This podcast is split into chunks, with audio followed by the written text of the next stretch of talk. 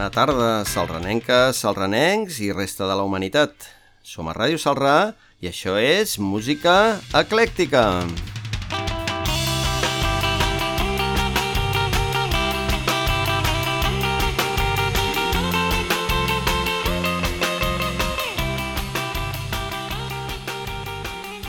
Als anys 80, als Estats Units, a part de l'anomenat nou rock americà, també van començar a sorgir grups menys puristes i més alternatius, molts d'ells pioners de l'actual rock independent. Era, eren grups que feien música fora del mainstream o corrent majoritari, que gravaven en segells petits i actuaven en circuits underground.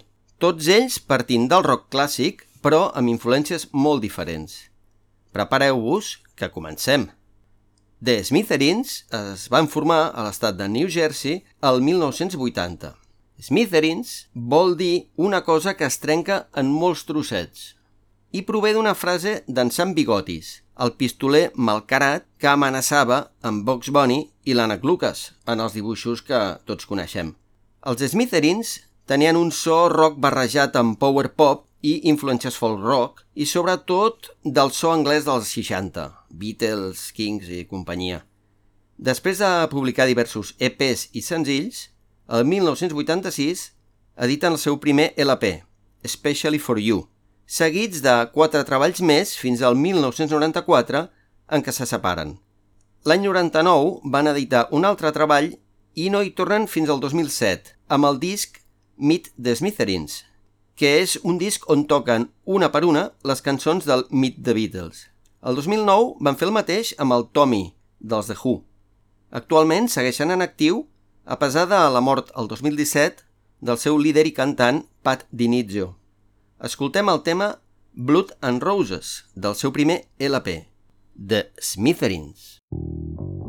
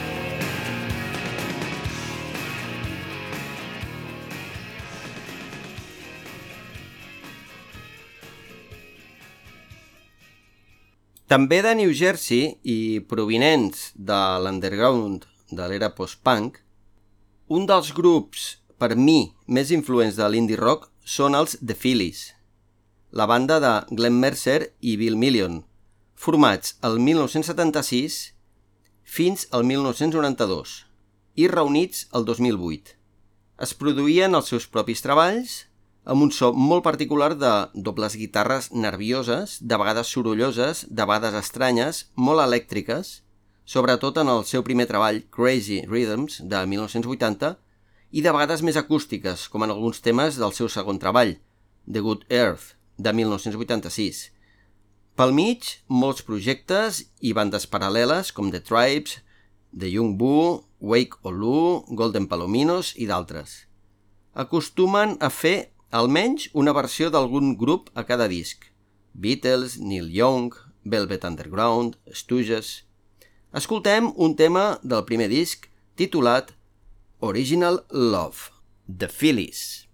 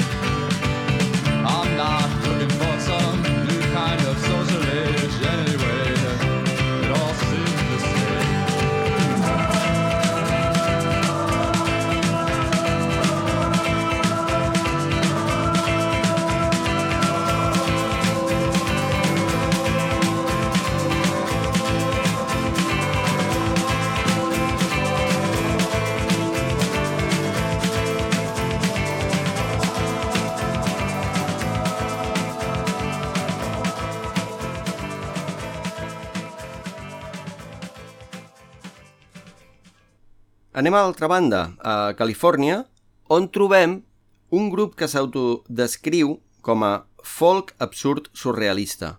Són els Camper Van Beethoven, folk, country alternatiu, pop, punk rock, ska i world music es barregen per crear un so únic, fresc i molt influent, en el que ha esdevingut el rock alternatiu de després. David Lowery, Víctor Krumenacher, Chris Mola Jonathan Segel i Anthony Guess editen el seu primer llarga durada el 1985 i escoltem guitarres, violins, mandolina i teclats, combinats amb lletres absurdes i humorístiques sobre la contracultura i referències a les diferents tribus urbanes de l'època. Amb diverses dissolucions i reunions, actualment segueixen en actiu. Escoltem el tema One of These Days, del seu disc de 1988 Our Revolutionary Sweetheart, Camper Van Beethoven.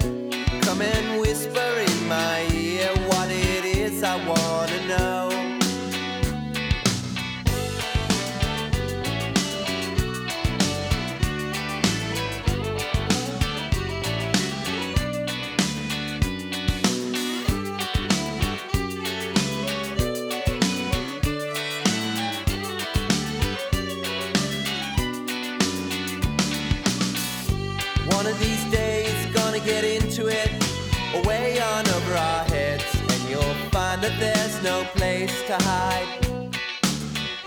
But if you fight and if you fail, don't fall back into yourself. You can fall back on me.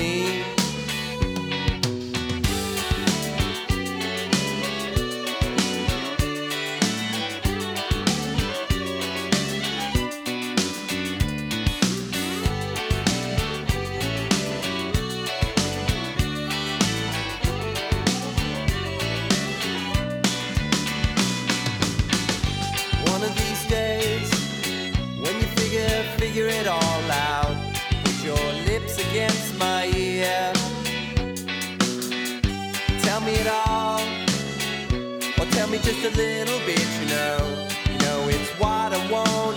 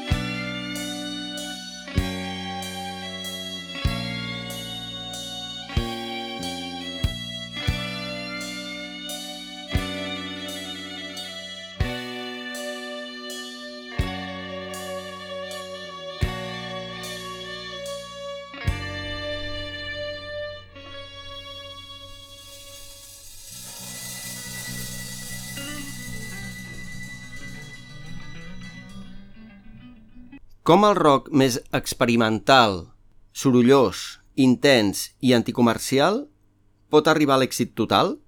Doncs escoltant el Sonic Youth, banda fonamental de l'indie rock i el rock alternatiu. Kim Gordon, Thurston Moore i Lee Ranaldo van formar el grup a Nova York el 1981. Toquen acords poc comuns utilitzant baquetes i tornavisos, fan acoplaments i distorsions, són violents i claustrofòbics, i a partir de 1986 amb el seu disc Evil van incorporar melodies pop. Va entrar el baterista Steve Shelley i es van catapultar a la fama. El 1995, amb el disc Washing Machine, enceten una línia més pop i suau, encara que paral·lelament van editar una sèrie de treballs experimentals amb la discogràfica Sear. Escoltem un tema del disc Evil amb el títol de Bubblegum, Sonic Youth.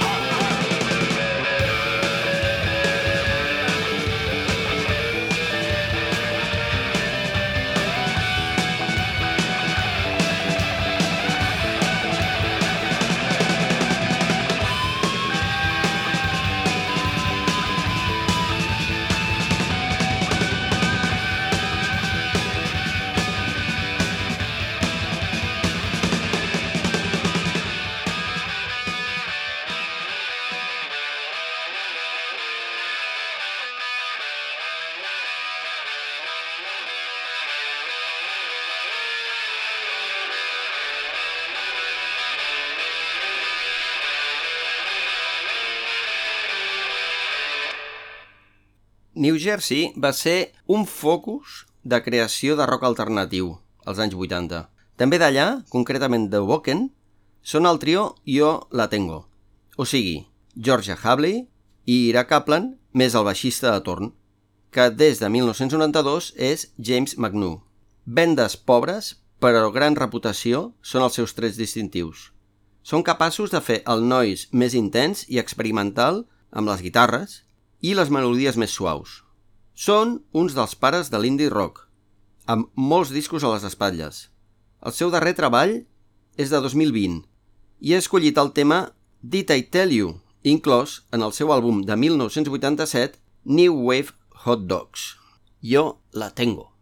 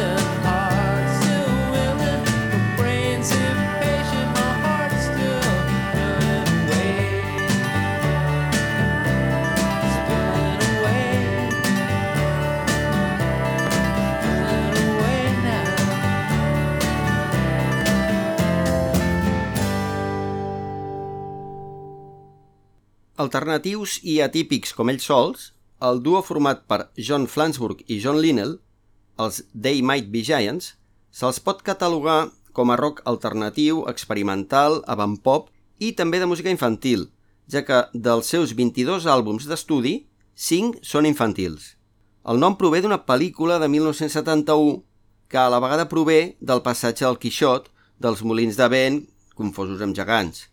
Ja a l'institut escrivien cançons junts i el 1981 van començar tocant una guitarra, un acordió, un saxo i una caixa de ritmes. Fins a principis dels 90 no van incorporar banda sencera. Es caracteritzen pel seu eclecticisme.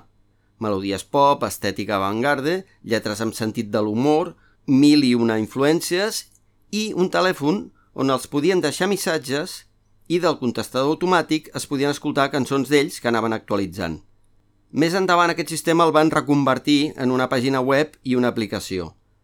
De tot aquest material en van treure dos discos, podcast, bandes sonores... Aquesta gent no paren. Escoltem un tema de l'àlbum Flood, de 1989, que és una versió d'un tema dels 50 titulat Istanbul, not Constantinople. They might be giants.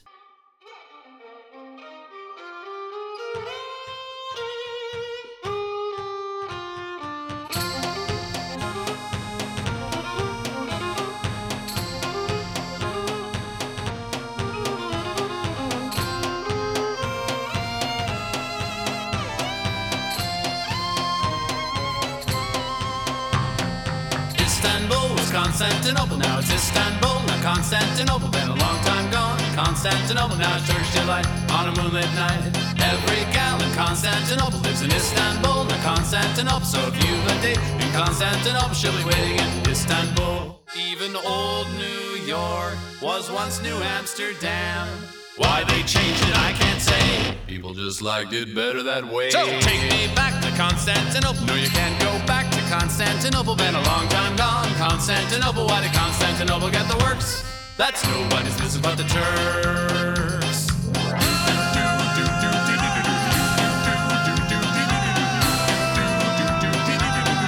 Istanbul. Istanbul.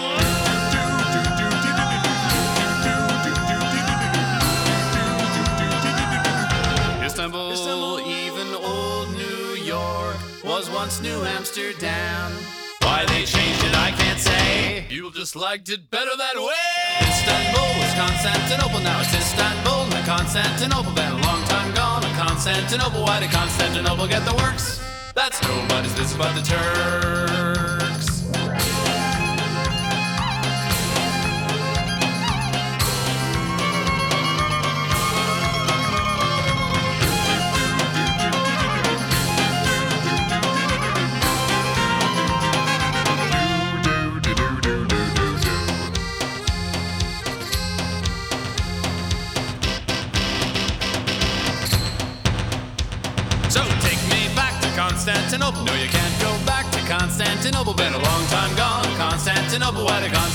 Get the works?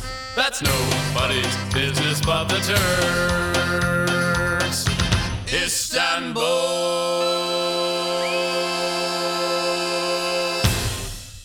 Throwing Muses, grup liderat per les dues mig germanes, guitarristes i cantants Kristin Hersh i Tanya Donnelly, es van formar el 1981 a Rhode Island, juntament amb David Narciso i Leslie Langston.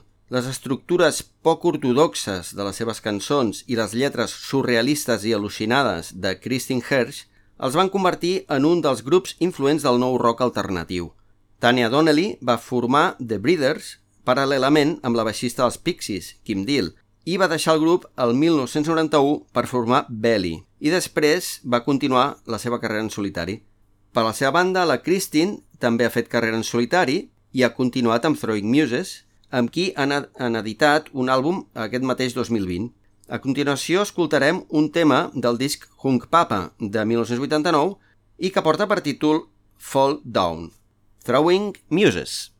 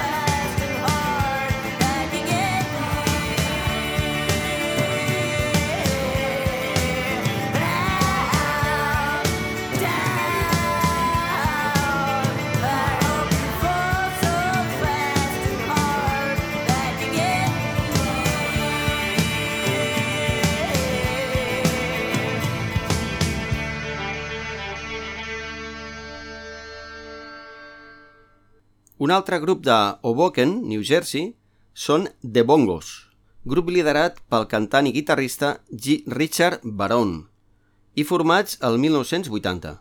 Van començar tocant en locals New Wave de Manhattan i van creuar el toll per fitxar pel segell britànic Fetish Records, on van actuar amb els grups d'avantgarde londinencs com els Throbbing Gristle o Clock DVA i on van editar els seus primers singles i EPs, recopilats després als Estats Units en el que va ser el seu primer disc, Drums Along the Hudson. Molt ben acollit per la crítica, per cert. Van fitxar per RCA, amb qui només van editar un àlbum i uns quants videoclips interessants, que els hauré de veure perquè no els he vist, la veritat. I el 1987 es van separar a mitja gravació del que havia de ser el seu nou treball, que finalment es va acabar publicant el 2013. Abans, el 2007, van editar una altra llarga durada amb el productor i fan seu, Moby. Escoltarem un tema anomenat The Bulrushes, The Bongos.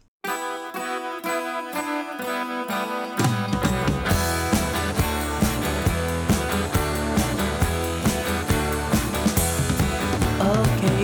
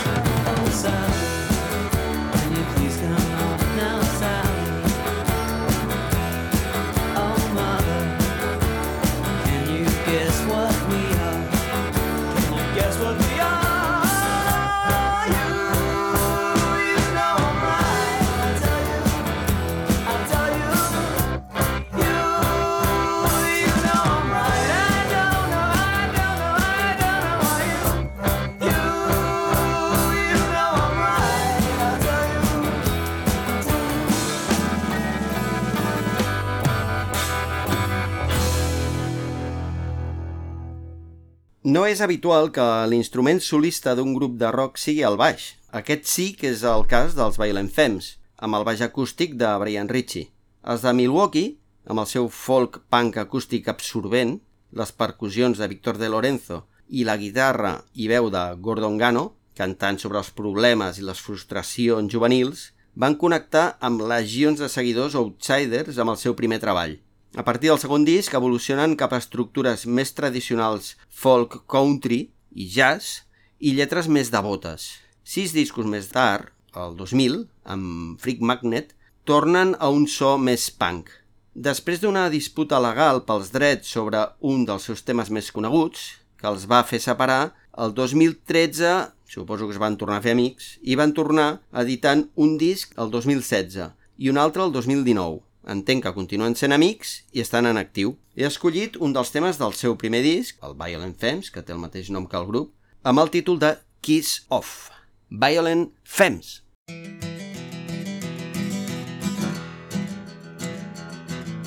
I need someone, a person to talk to, someone who care to love. Could it be you? could it be you? Situation gets rough and I start to panic. It's not enough. It's just a habit, eh, kid, you're sick. Well, darling, this is it. You can all just kiss off into the air. Behind my back, I can see them stare. They'll hurt me bad, but I won't mind. They'll hurt me bad, they do it all the time. Yeah, yeah. Yeah, they do it all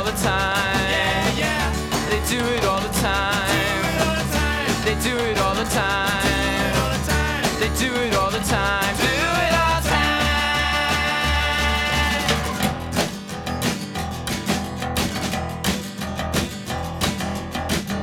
I hope you know that this will go down on your permanent record. Oh, yeah? Well, don't get so distressed.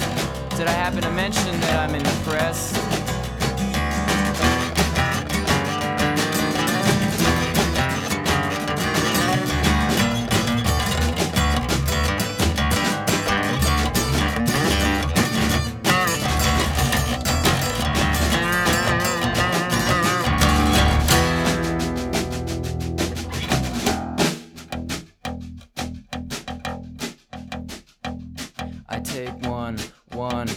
Cause you left me, and two, two, two for my family, and three, three, three for my heartache, and four, four, four for my headaches, and five, five, five for my lonely, and six, six, six for my sorrow, and seven, seven for n- n- n- no tomorrow, and eight, eight, I forget what eight was for, but nine, nine, nine for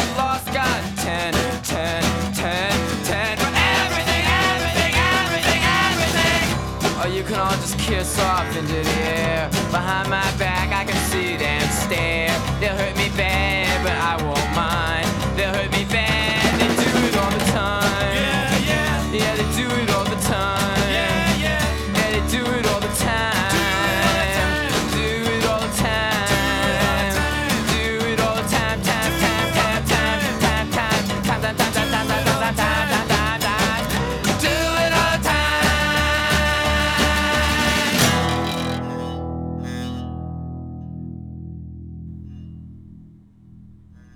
Una de les bandes dins el panorama Paisley Underground de Los Angeles és The Rain Parade, però amb un so molt més enfocat al rock psicodèlic, hereu de les bandes de finals dels anys 60. L'any 1983 van editar l'àlbum Emergency Third Rail Power Trip, considerat per molts crítics com el millor mai editat per una banda de Paisley Underground. Veus etèries, bateria precisa, sitar, violí, teclats i dues guitarres a l'estil dels Birds del 8 Miles High. Podríem dir que és un bon disc. El seu líder, David Roback, va marxar per fundar la banda Opel i després la banda Majestar amb la seva amiga Hope Sandoval. I el grup va editar diversos singles més i un altre LP el 1986 i després es van dissoldre i a partir de 2012 es van reunir per fer alguns concerts i gravacions amb altres grups del moviment Paisley Underground. Roback va morir el passat 2020. Escoltem el tall titulat Talking in My Sleep, del seu primer treball, The Rain Parade.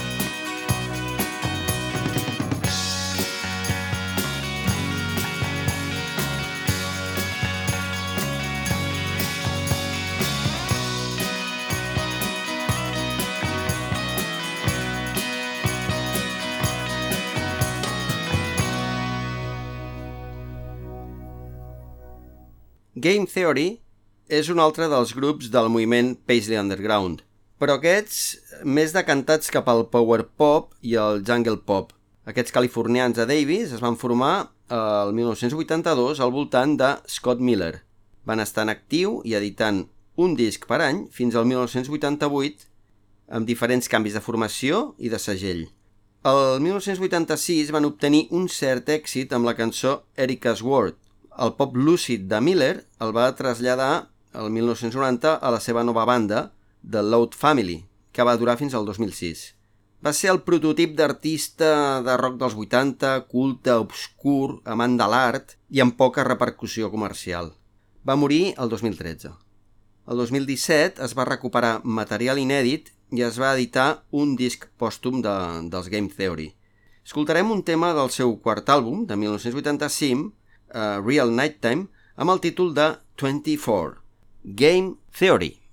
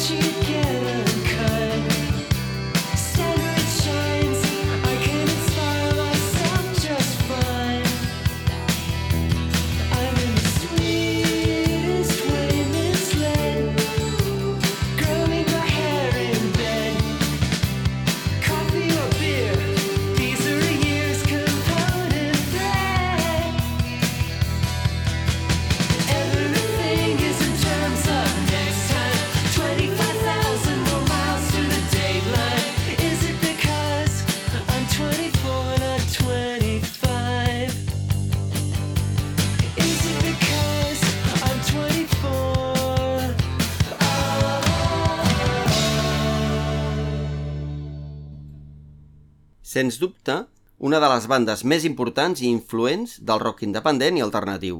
Parlo dels Pixies.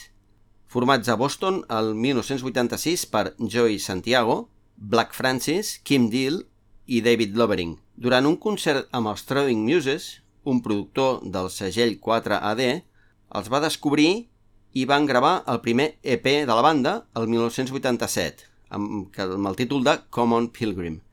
El segon treball, el Surfer Rosa, es va convertir en un clàssic del rock underground americà dels 80 i va influir molt en moviments posteriors, com per exemple el grunge. De fet, per a Kurt Cobain era el millor disc de la dècada. Tanmateix, elogiat per Bono, P.G. Harvey, David Bowie o Thom Yorke. Tres discos més i l'acaparament de Black Francis en la composició va fer que Kim Deal formés amb la seva germana Kelly i Tanya Donnelly, de les Throwing Muses, el grup The Breeders en paral·lel.